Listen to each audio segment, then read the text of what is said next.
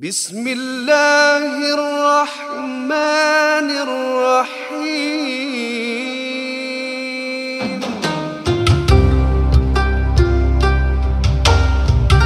بسم الله بسم الله بسم الله Assalamualaikum warahmatullahi wabarakatuh. Selamat datang dalam satu lagi ruangan NJU Non-Judgmental Ustaz bersama dengan saya host anda Zari Ismail. Dan uh, saya Din Nur Rahim. Dan saya Raja Razi. Saya Ustaz Muhammad Nuzhan. Assalamualaikum Ustaz apa khabar? Waalaikumsalam warahmatullahi Sihat. wabarakatuh. Kenapa kenapa bila orang nak mulakan perbualan kena cakap sihat? apa apa hadis?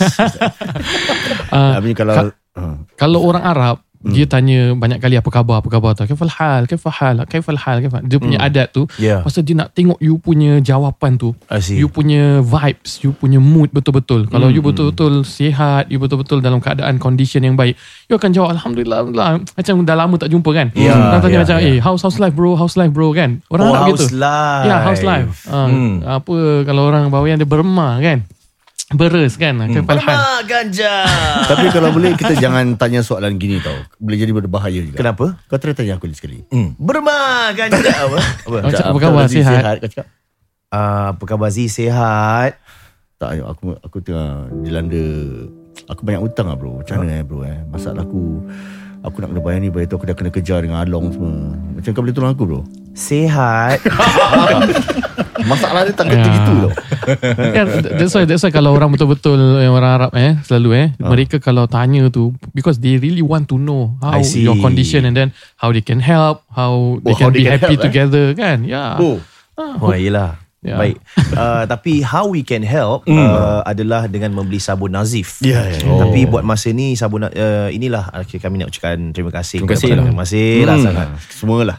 Ada yang start buat eksperimen-eksperimen eh dengan sabun Nazif ni. Ya. Ada dia orang beli empat botol. Ya. Satu botol dia letak ke semuanya dalam dry cleaning dishwasher. Oh. Tapi ada feedback juga. Ada yang mengatakan dia tak kuat untuk berfungsi sebagai sabun uh, laundry. Memang asalnya saya cuma nak tekankan dekat sini adalah um, kenapa kita suruh kadang-kadang nak macam extra clean tu, ya sepatutnya kau letak macam Dynamo ke Fab ke. Ya. Ah, itu essence dia kau letak tu.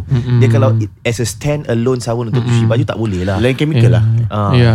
Jadi Dan- cuma uh, dalam masa yang sama sabun yang dihasilkan tu adalah untuk tubuh badan. betul Uh, untuk sabun mandi sebenarnya. Betul. Betul. Dan kalau kita gunakan untuk uh, pakaian, gunakan chemical lain, tentu dia tidak boleh digunakan untuk tubuh badan. Hmm. Nah, jadi daripada sudut khasiat dia tu lain, dari sudut chemical dia tu akan memudaratkan kulit pula. Ah, Ah, jadi ya. kita cari yang sabun yang tidak memudaratkan kulit lah. Cuba kau mandi pakai Dynamo. Ha, tersoyat kulit. Betul betul betul. betul. Da- Dalam masa yang sama juga uh, sebenarnya batch yang kedua yang kita bawa masuk ni dia kita um, gandakan. Mm-mm. Kita dua kali gandakan Satu jumlah. ribu ada kau ada.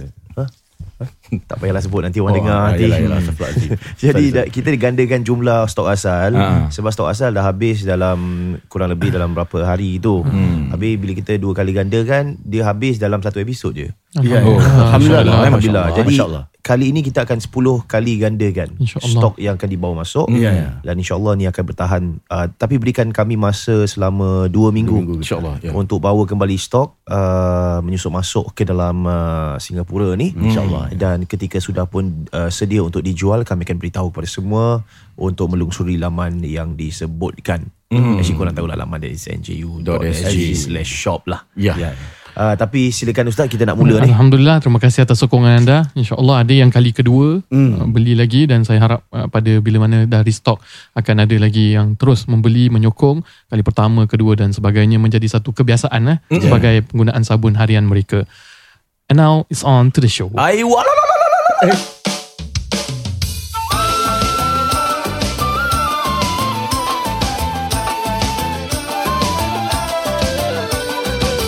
segan dan malu, marilah mendengar NGU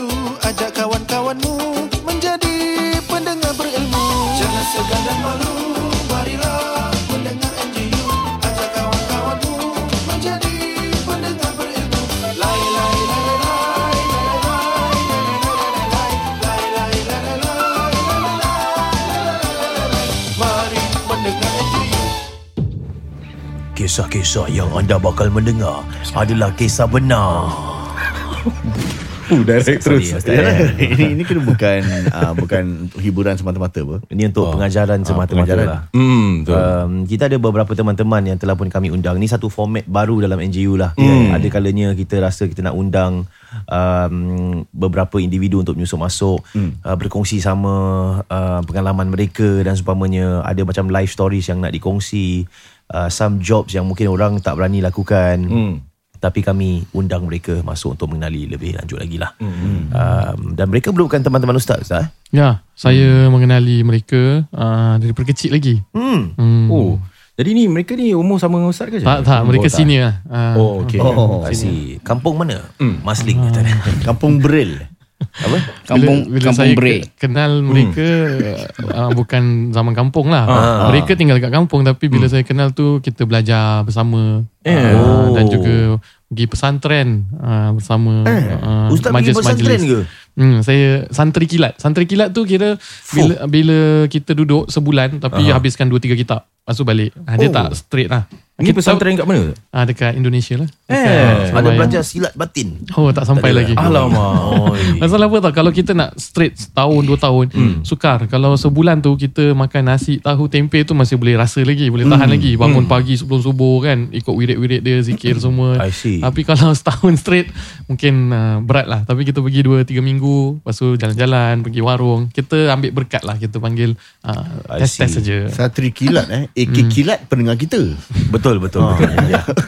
okay. Jadi mereka ni pun belajar pesantren jugalah yang semua ni. uh, Bukan semualah Saya kenal uh, Pasangan beliau je ni Oh.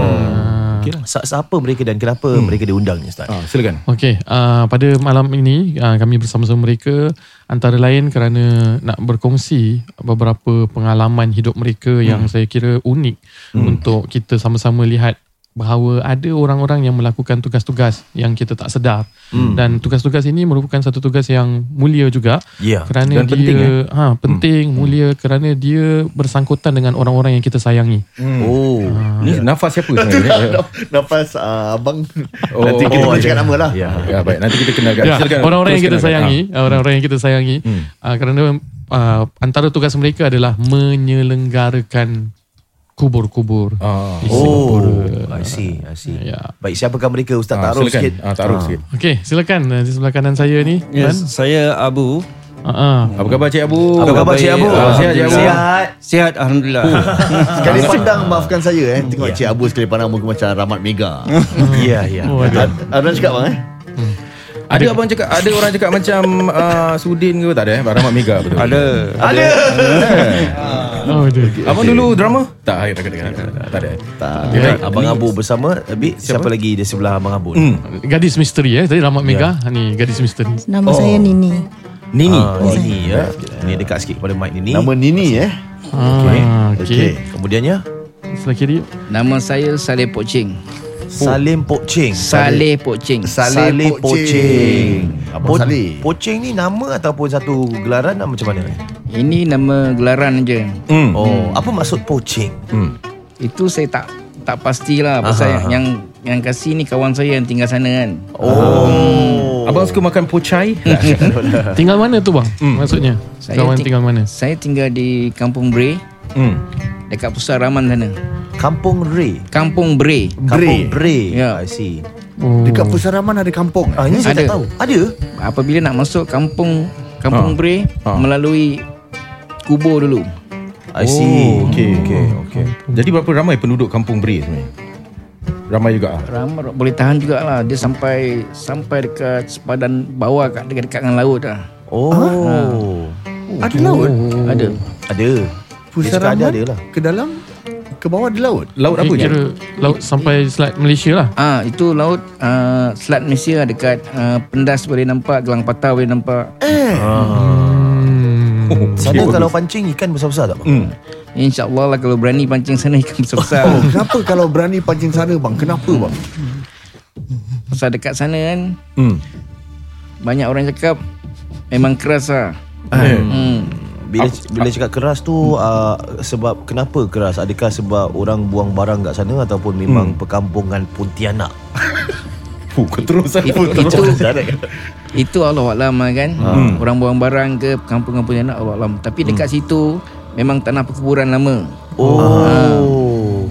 Jadi di situ Kalau kita nak masuk memancing pun Nak melalui Guard dulu Kalau Army Guard? ah, Pasal situ Army jaga Aha. Dekat, dekat dengan Pasir Labar sana Pulau Bajau. Oh. Pulau Bajau. Pulau Ah, Bajau, Bajau. okey. Tapi kalau nak lalu Amigat, Amigat actually okay lah. Dia macam lalu lah untuk sebelah mata je. Kalau boleh. Kalau Tak misalnya boleh eh? Tak boleh. Nak permission daripada du- mereka lah. Oh.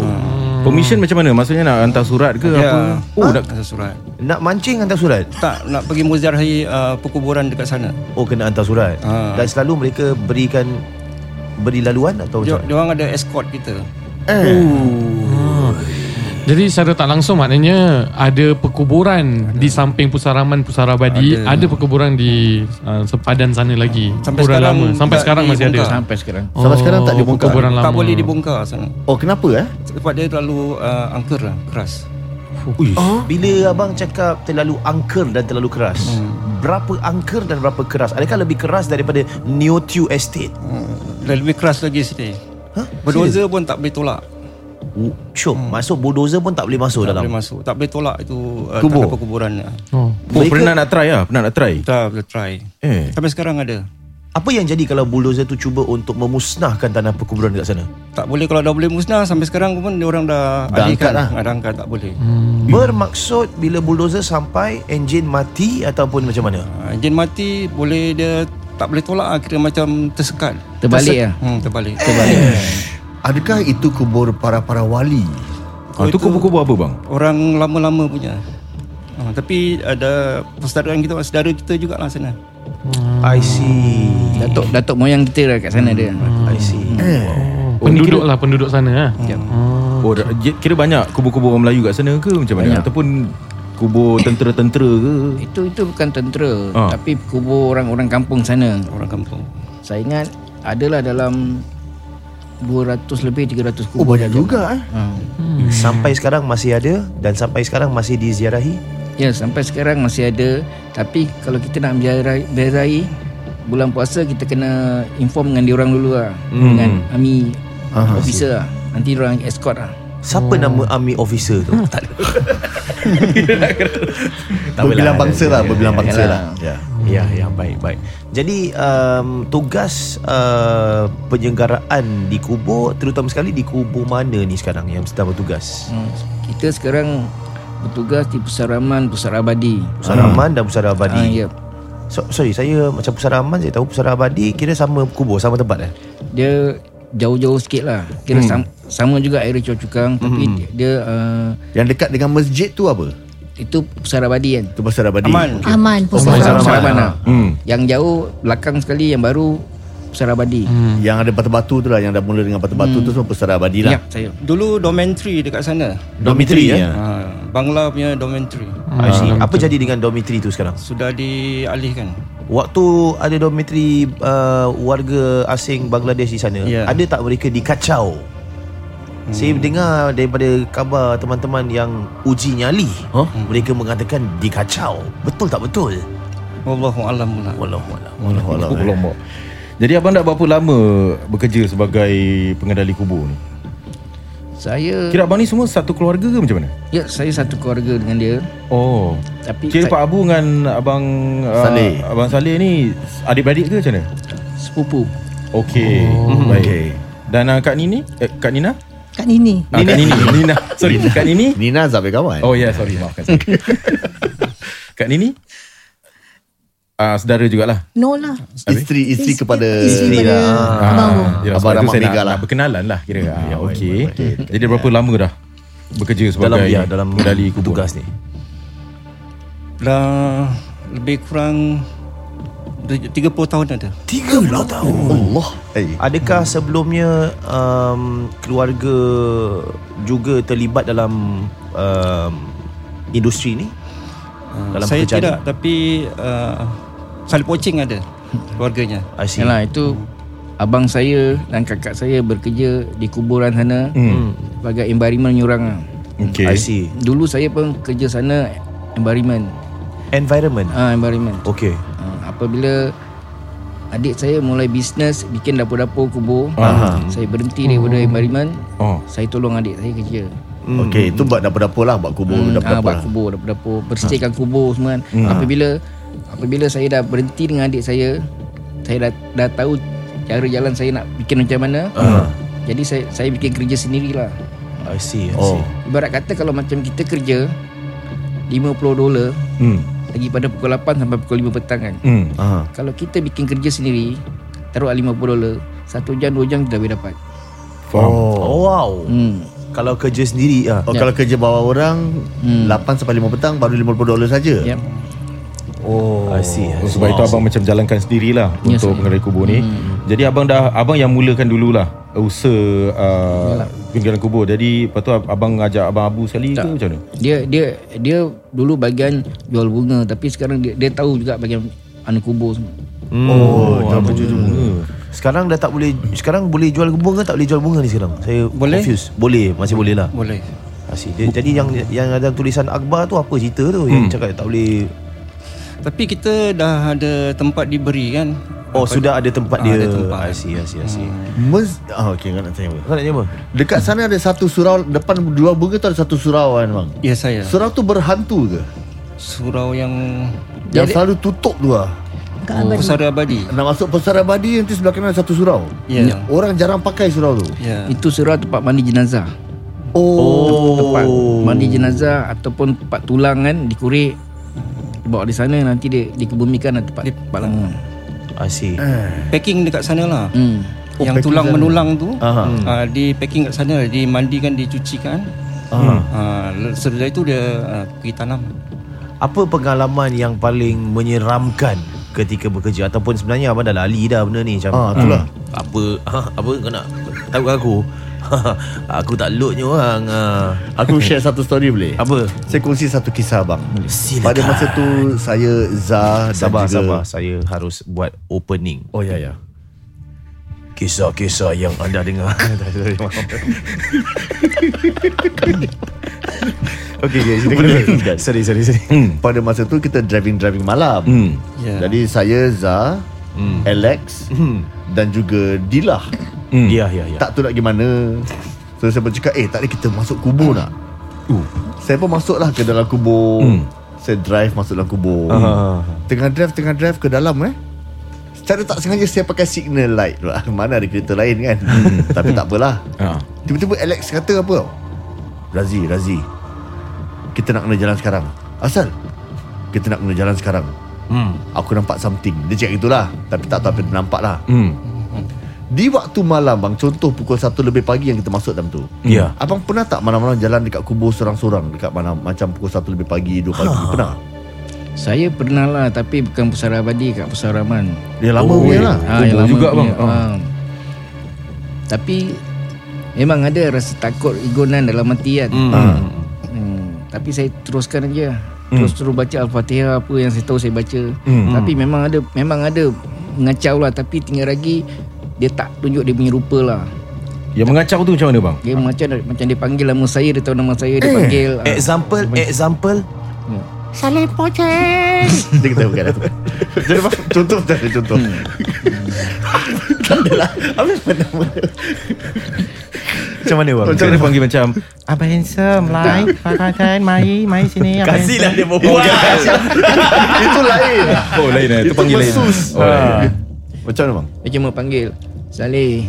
Saleh gitu. Oh dah gitu Ah. ah. Suara garau bang eh Dia dekat ke jauh? Hmm tak jauh dekat juga. Okay Oh. Jadi saya pun berumur naik lah. Ya, Oh. ya, ya. Ha, tapi saya kuatkan iman saya kan. Ya. Kuatkan semangat saya kan. Ah. Ha, Abang jawab. saya saya Buat tak jawab. je. Saya jalan terus je. Oh I see, I see.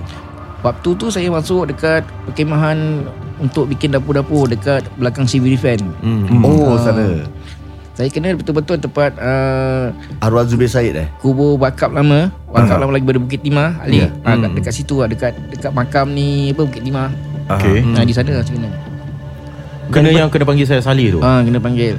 Waktu di pusat Pusara Abadi, Aha. saya dengan kawan saya datang malam, dua orang. Aha, aha. Masuk dekat dekat surau tu kan. Hmm. Aha. Cuci tangan apa mana duduk. Habis waktu tu ada orang tendang bilik mayat. Maksudnya apa? Dia tendang dia pintu. tendang, dia tendang pintu bilik mayat. Okey. Jadi kita dua orang tak takut lah kan. Hmm. Kita datang tengok luar semua gate tutup, gate kunci. Ya, Ya. ya. Ha. Jadi kita masuk duduk lagi Dia tendang lagi ha. Habis rumah naik kan Hmm. Habis Check lagi Tengok tak ada kan Hmm. Aha. Duduk lagi Dia tendang lagi Habis saya cakap dengan kawan saya Ya. Lebih baik kita jalan lah Dia dah tak kasih kita duduk sini kan Lebih baik kita jalan Eh, ha, Jalan je I see, I see. Ustaz saya nak tanya dalam ada explanation tak pasal benda-benda supernatural ni dalam Islam? Hmm. Adakah ini jin ke, syaitan ke ataupun tiana? Ataupun mawas. Aku nak tanya lah. Aku tanya. Ha. Ya ya ya. uh, pengamatan saya uh, Abang Saleh dengan Abang Abu Beliau ni merupakan orang-orang yang bertugas Ya. di tanah perkuburan Ya, ya, ya. Jadi maksudnya beliau perlu menyelenggarakan uh, tanah perkuburan itu dari sudut rumput-rumputnya maupun daripada dapur-dapurnya uh-huh. sehingga kan pada malam hari mereka terpaksa bertugas di situ kan. Hmm. Jadi bukan uh, bukan satu benda yang mereka mencari-cari. Ya. Oh. Tapi malam hari itu kan kalau kita tengok siang hari kuburan tu panas kan. Jadi mereka mungkin bertugas di malam hari sebab itu mereka terpaksa pergi di tengah-tengah malam. Hmm, hmm. Uh, dan apabila ada gangguan-gangguan seperti itu, saya lebih cenderung uh, kalau benda tu betul berlaku adalah daripada gangguan makhluk jin lah. Uh, kalau lah. betul benda tu berlaku lah bukan kalau contoh bukan babi hutan ke kan yang bergerak ke. Kalau Ular dah memang ke kan, ah. bukan mainan minda kita ke kan bila time dia sebut nama. Kalau memang betul dia sebut nama ataupun memang tendangan itu betul berlaku maka saya lebih cenderung menyatakan itu jin. Kerana untuk pengetahuan kita ya antara tempat yang mana diduduki jin adalah di lautan dan juga di tempat tanah perkuburan untuk pengetahuan anda Eh. Ha, sebab itu kenapa tanah perkuburan ni ada banyak apa namanya uh, penjelmaan seperti hantu inilah hantu itu kan. Hmm. Kerana uh, itu juga di, di, dikatakan tempat-tempat menghuninya eh, kaum jin uh, di tanah perkuburan. Kenapa apa sebab uh, mereka menghuni di sana? Adakah sebab keadaan yang gelap? Adakah kerana sebab ada mayat-mayat di sana atau macam mana? Uh, apa yang saya faham selain daripada dia daripada teks hadis eh kalau saya Ya. tak silap memang Nabi sebutkan itu nombor satu. Nombor dua kerana kalau kita cari alasannya mungkin itu tempat jarang ya, diganggu oleh uh, manusia lah. Hmm. uh, di tempat lautan kan? Uh, tu jarang mendapat gangguan. Lautan tu bukan tepi laut tempat orang duduk eh. Hmm. uh, di kawasan pendalaman dan juga seperti di kuburan. Itu jarang uh, manusia jadikan tempat tinggal Aha, tempat mereka nak apa berkunjungan daripada sudut apa beriadah ataupun buat sesuatu aktiviti. Siapa nak pergi lepak kat Ah, sana kan, kan? melepak kan Ya, menyantai menyantap. Jadi uh, kaum-kaum makhluk yang lain uh, menghuni tempat tersebut lah Oh. I see, I see. Jadi uh, Kak Nini saya lebih cenderung juga untuk bertanya kepada Kak Nini sebagai seorang wanita eh uh, ada tak di antara gangguan-gangguan juga uh, terhadap anda sendiri? Macam mana Kak Nini? Gangguan tu Hmm. pada saya sekali je lah kena. Sekali je. Sekali dalam 30 tahun tu sekali Tak je kena. tak, saya Oh. dengan abang tak lah 30 tahun. Oh, Oh. Kak Nini berapa tahun dah? Ah. Sama dengan abang. Mungkin 5 tahun, 15 tahun, 20 tahun? Atau tiga tahun. Hmm. Rumah tangga dah 12 belasan eh, tahun belasan lah. tahun. Hmm. Oh, belasan tahun lah. Ha. Hmm. So pengalaman saya mal pada malam hari raya. Malam, hari raya. Okey. Okay. Hantu Malam hari raya macam mana? Hantu, hantu raya. Oh tak. Malam hari raya pun bertugas juga. Tapi Yes, kalau kita- malam raya memang banyak penjelamaan kat sana. Eh. Kenapa eh? Ha? Bukankah yang jin-jin syaitan tu di di ni? Alah malam raya dah lepas lah. Eh, ya ke? Tak tahu. Yelah. Kan? Oh, tak, tak semestinya jin Tak tu ada semestinya. syaitan apa tak mesti jin apa jin kafir jin Islam pun ada Ah. bukan orang dirantai ke waktu Ramadan tu? Apabila syaitan dibelenggu dan dirantai, ulama ada banyak perbincangan. Nombor Okey. satu yang dibelenggu dan dirantai itu Aha. penafsiran pertama adalah meja-meja ketua-ketua mereka. Oh, I see. Ah, bukan semua. Kedua, makna dibelenggu dan uh, lah apa uh, dibelenggu betul lah yang besar-besar lah. Oh, ya. oh, Afrit. apa Ya, eh. ya. Uh, yang yang dikatakan dalam hadis Aha. dibelenggu, dirantai Ah. itu lebih kepada kekuatan mereka untuk menghasut anak Adam Ah, lebih lemah di bulan Ramadan Tapi ma- berbanding dengan bulan-bulan masih lain. mampu mengganggu lah. masih mampu Cuma masih ada dilemahkan. gangguan. Ah, Oh. ah, dilemahkan tapi bukan kita katakan setiap gangguan tu daripada mereka ada yang dah autopilot daripada hawa nafsu manusia Ya. melakukan kesalahan Ya. ah, dan bukan daripada gangguan syaitan Okey. Berbalik kepada malam raya, apa yang berlaku? Ada lontong. Lontong tak ada bunga dia. Lontong bunga. Itu yang daripada Abang Abu tadi Lontong bunga Okey, kat gangguan tu. Kita selalu sebelum the day we, sebelum kita jual bunga kita prepare barang-barang tu. Okey. Okay Macam meja, kursi semua kita prepare kat tepi jalan lah. Macam, macam selalu nampak kat tepi-tepi jalan orang Ya. jual tu kan. Ah, ah, ya, Ah, Macam itu. Sekali kakak dengan abang pergi tempat kita letak seal barang lah. Aha. Masuk kat hutan tu. Ah, Keluarkan meja prepare balik dalam pukul 11 malam gitu. Dah, nak mandi, dah lepas mandi nak rehat. Macam tu sekali-kali kena, kena sampuk Siapa kena? kakak. Kat ni kena sampuk Okay Ini pertama kali kena sambut atau dah banyak kali sebenarnya? Dan kalau kat kubur selama kerja kat kubur baru sekali tu lah. I see, Okay. I see, I see. Apa yang uh, bila masuk kena sampuk tu, the apa you rasa? You tahu sedar dalam keadaan sedar ataupun actually you tak ingat apa yang you buat? Waktu masuk tempat yang nak ambil barang tu badan dah macam dah Sejuk. bulu, sejuk dah bulu, dah naik semua tau. Mm, So mm. cakap dengan abang, kenapa eh? Abang memang diam je jangan cakap apa-apa diam. Ya, ya, Hmm. ya, ya. So diam balik. Hmm, hmm, hmm. Balik rumah terus mandi dan nak lihat Alih-alih macam nak tidur tu tu nangis sendiri. Ah. Kakak sedar yang kakak nangis sendiri eh? Kejam mata tapi nangis. Oh, okey. I see, I see, I see. So anak kakak Afif kejut lah. Hmm. Kejut tu alih-alih macam kakak pekik-pekik lah. Hmm. I see. So Afif panggil telefon Kak Titi panggil hmm. my ay- ayah datang hmm. ubatkan lah. Ya, ya, ya. So dua orang empat lima orang pegang kakak suruh tak kuat. I see, I see, I see. Dan abang ada kat sana waktu tu? Ada kat rumah Ada dah kat balik rumah? semua. Aha. Jadi apa yang sebenarnya berlaku? Adakah sebab uh, ada penghuni di sana yang menyusup masuk ke atau memang Hmm. barang tu ada kat sana ke? Itu tak pastilah kan. Aha. Ha. Jadi Abang Abu waktu tu nampak apa yang pada isterinya? Nampak Apa apa abang nampak? Dia macam uh, Pontianak lah gitu Oh, Yang masuk dalam badan lah. I see, I see, I see, I see. Pontianak eh Jadi Ah. waktu tu macam mana? hmm? Abang panik tak? Ah, abang Saya- panik ke apa apa apa yang abang buat untuk bantu kakak? Kalau saya Biasa-biasa saja Abang dah, Maknanya- bi- abang dah biasa benda ni lah? hmm, Boleh jugalah I see, I see. Eh, eh, eh, yang biasa-biasa tu macam mana? Apa yang abang buat tu? Ke abang dah dah biasa tengok orang kena rasuk ke apa? Semua dah tengok lah Okey. Jadi bila abang katakan uh, Malam raya tu Yang banyak hantu menjemulaan tu Apa yang abang pernah nampak Abang Abu Pernah nampak Hmm. Dia Dekat sikit dekat mic, man. Ah. Ya. Saya nak pergi uh, beli makan Ah, pada jam 8 malam. Ah. Pergi ke Boon Lay beli makan dan saya naik motor. Oh. Jadi uh, saya jalan tempat tanah perkuburan blok 3. Hmm. Oh, Uh, jadi saya turun, saya dengan anak saudara saya kat belakang. Hmm. Jadi saya nampak orang tu besar, tinggi seperti uh, macam macam tingkat dua tu lebih tinggi. hmm, hmm, hmm. Oh, tinggi dia macam flat tingkat dua. Ha, ya, kat situ. Dia, dia tinggi dia rendah, tinggi rendah. Jadi saya tak puas hati, saya buka visor saya. Ah. Saya buka visor saya punya rasa tak puas hati, saya buka high beam lagi. Orang kau? Hmm, hmm, hmm. Ha, saya nak pastikan bahawa itu betul uh, manusia ke bukan. Ya, ya. Ha, jadi saya tengok bukan. Oh. Ha, tapi dia orangnya pakai songkok. Eh. Ha, pakai songkok. Mu- Jadi muka dia, dia- macam mana muka dia? Muka dia uh, sempurna lah seperti manusia biasa. Eh. Ah.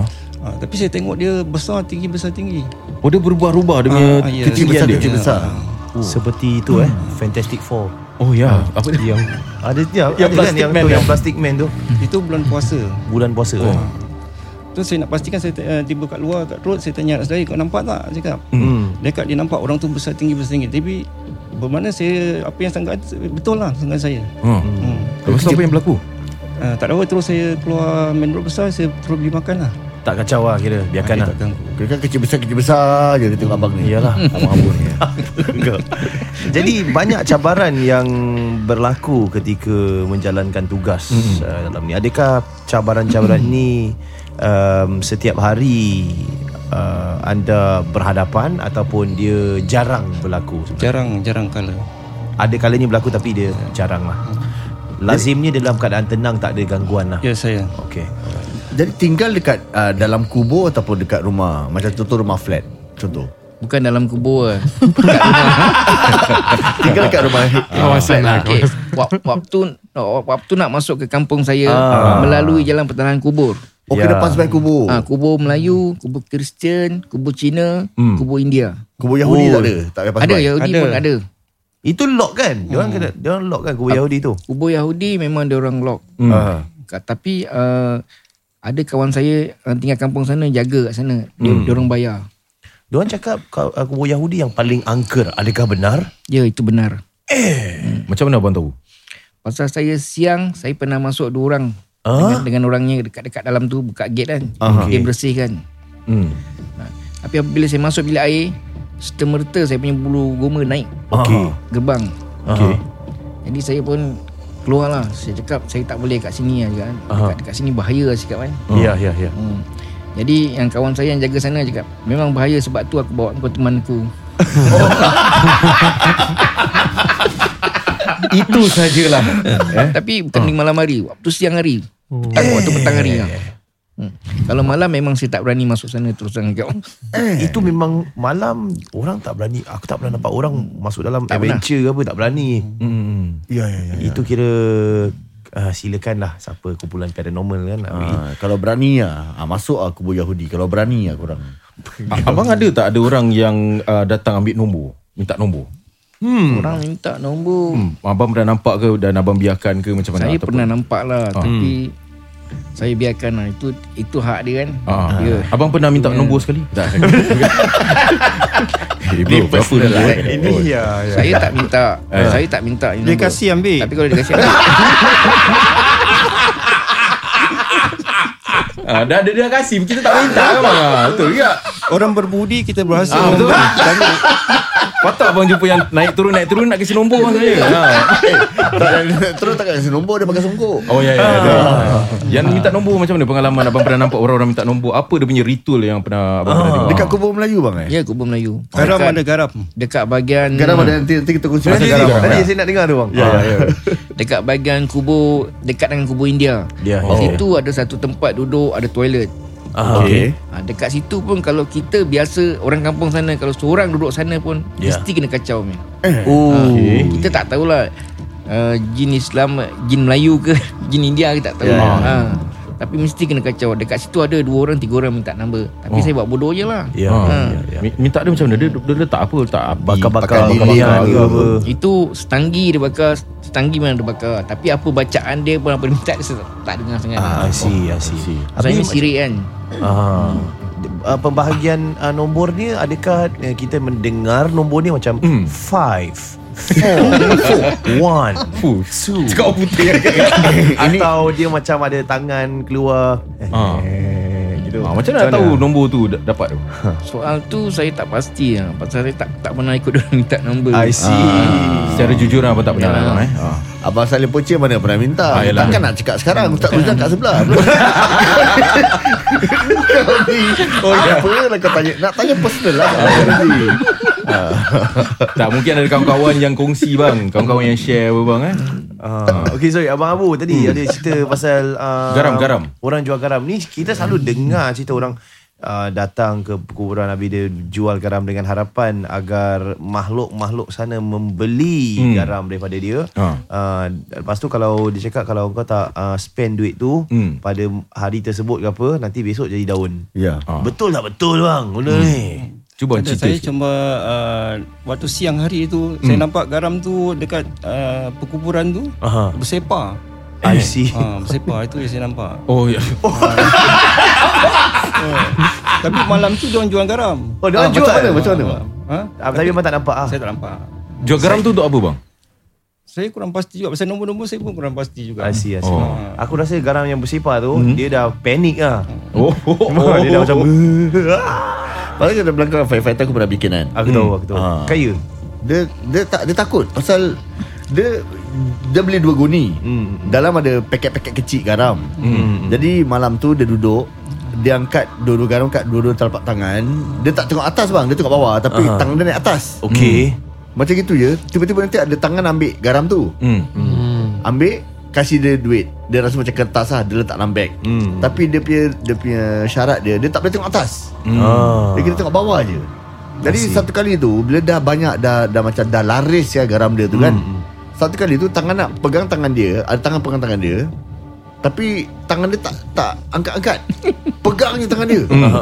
Jadi dia pun macam alamak asal asal asal asal tak angkat di tangan dia ni. Tak, ya. tak ambil garam ni. Jadi dia pun tengok atas lah. Bila dia tengok atas, dia nampak ada macam awas sikit muka macam muka monyet berbulu gitu. Tengok muka dia dekat-dekat, mata merah gitu bang. Terus dia terperanjat dia lari. Hmm. Ah tu yang dia lari tu yang dia terlanggar-langgar ada Batu ah, nisan terlanggar batu nisan semua tu. Oh tu yang bertabur ga- garam kat situ. Itulah cerita dia ah, tu ada sambungan dia. Ah, agaknya lah Rupanya tu. yang pegang tangan tu rupanya Abang Saleh tak? Apa kau buat ni? Aduh. Jadi uh, dalam masa yang sama juga um, bila abang buat uh, pekerjaan ni semua apa kepuasan ataupun uh, rasa puas yang abang dapat kecapi bila lakukan setiap pekerjaan ni mesti ada dia punya passion dia ada dia punya hmm. orang kata tu uh, motivasi dia contoh kalau guru yang mengajar dia rasa puas bila anak murid dia let's say pandai lah Hmm. Uh, kalau let's say entertainer ke apa orang yang macam pelawak contohnya kepuasan dia bila orang tepuk tangan lah. Uh, Ya. Macam orang bagus performance kau bagus lah. Yeah. Bagi pekerjaan abang sendiri apa kepuasan yang abang dapat yang abang suka dengan pekerjaan ni? Kepuasannya apabila itu kubur Hmm. dipanggil bersih, kita Ya. bersih, cukup bersih. Mhm. Kita tengok hati hati customer tu puas, hati Ya. kita pun ikut puas, bahagia. Ya, ya, ya, ya. Itu yang itu yang Itu terbaik yang- lah. Itu yang best dia lah. Tak ada ular-ular sawa ke bang eh? Tak hmm. tengah ular-ular. Ada kalau Ada, ada, eh? ular sawa, ular senduk memang ada banyak lah kat sana. Eh, ni macam mana abang handle benda ni? Saya pun Dah kenal lah. tak tak berapa geli dengan ular. Dah kenal? Dah kenal. Oh, I see, I see. Silap saya ada satu video kan uh, pasal kobra tu. Yang ada dekat uh, kubur. Ular senduk lah. Ah, lepas tu ada macam ada dia punya weeds dia tak dipotong ke apa tapi nampak ada ular. Tu yang jadi bahaya tu bila orang nak berkunjung. Tapi memang banyak ular ke macam mana bang? Memang tempat sana memang banyak ular senduk, banyak banyak ular ular sawa. Hmm, Ha. Tapi apabila kita bersihkan, Hmm. kita tak tak pakai tangan tu. Kita pakai mesin. Apabila mesin kita hidupkan bunyian, Dia lari lah. benda tu lari. Oh. Lagi satu, kalau ular senduk, kita dah berhadapan dengan dia, Hmm. di depan kita dah dekat, dia dah naik kembang, Ya. kita jangan bergerak. Kenapa? Kita bergerak dia mesti petuk. Oh. Dia tak boleh bergerak. Adakah Matikan diri kat situ. Sampai dia turun balik dia lari. I see. Oh, ada ada orang kata kalau tips dia jangan bergerak dan juga azan. Adakah itu betul? Itu azan Allah Alam lah. Tapi Hmm, kalau tak tahu apa-apa, dan dia jangan bergerak. Hmm. I Nanti see, I dia see. akan turun sendiri lari sendiri. Oh, abang pernah cuba lah, Hmm, pernah buat yep, sendiri lah. Betul. I see. Abang pernah nampak orang buat uji nyali dekat sana bang? Lepas tu macam, hey budak-budak ni, hey, apalah korang. Saya saya ada kawan Aha. biasa tinggal sana juga. Okey. Tapi dia kerja Marine Police kat Batu 20 sana. Tapi dia dia panggil kawan dia 4 5 orang Hmm. datang duduk dekat kubur kubur India kan. Okay. Ha. Habis dia cakap dengan kawan dia, "Okey, saya kasih kau 200, Hmm. kau pergi jalan lagi belah sini sampai dekat masjid." Oh, Kat, okay. kat surau kan. Aha. Apabila kawan dia ambil duit kan, Aha. dia jalan lah seorang. Hmm. Kan dia tak sampai masjid. Hmm. Berjam-jam tak sampai masjid. Oh, yo. Ha, jadi saya pun datang Jadi kawan cakap Eh tolonglah carikan kawan dia kan Jadi kita cari lah Cari-cari Kat masjid tak sampai dekat mana Nak masuk dalam kampungan Kampung saya Ha? Dekat dekat kubur Kubur Kubur Islam juga lama Ah. hmm. Baru jumpa Jumpa dia macam apa Macam dia Tak tak boleh berbual sangat lah Macam muka, muka pucat semua kan Ya. ha. ya. Itu lah Dia dapat lepas Oh tak Itu kubur lama tu Dah kena lepas army eh Army guard eh Lain eh Pasal dekat Dekat Civilization yang belakang Ada Kubur India kan Ya ya Ha, situ ada ada satu tempat uh, perteduhan, ada bilik air semua. Betul. Ha, lagi pada situ dia start, dia jalan seorang. Dia nak pergi ke surau Pusat Ramadan kan. Jauh juga bang Jauh. Ah jauh Tapi oleh kena duit kan. Ah. Dia cuba juga berani. tapi tapi Allah alam kan ini jinan. Ya, ya. Dia boleh pergi kat lain. Dia pergi ke lain. Pasal pasal dia pun bukan orang sana sangat. I see.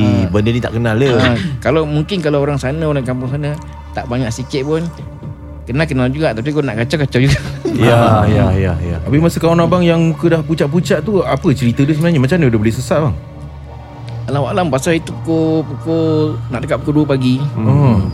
Memang uh, Kawan saya ni Dia punya kawan Dia bawa pergi sana. Adventure. Ya. Sampai adventure sana.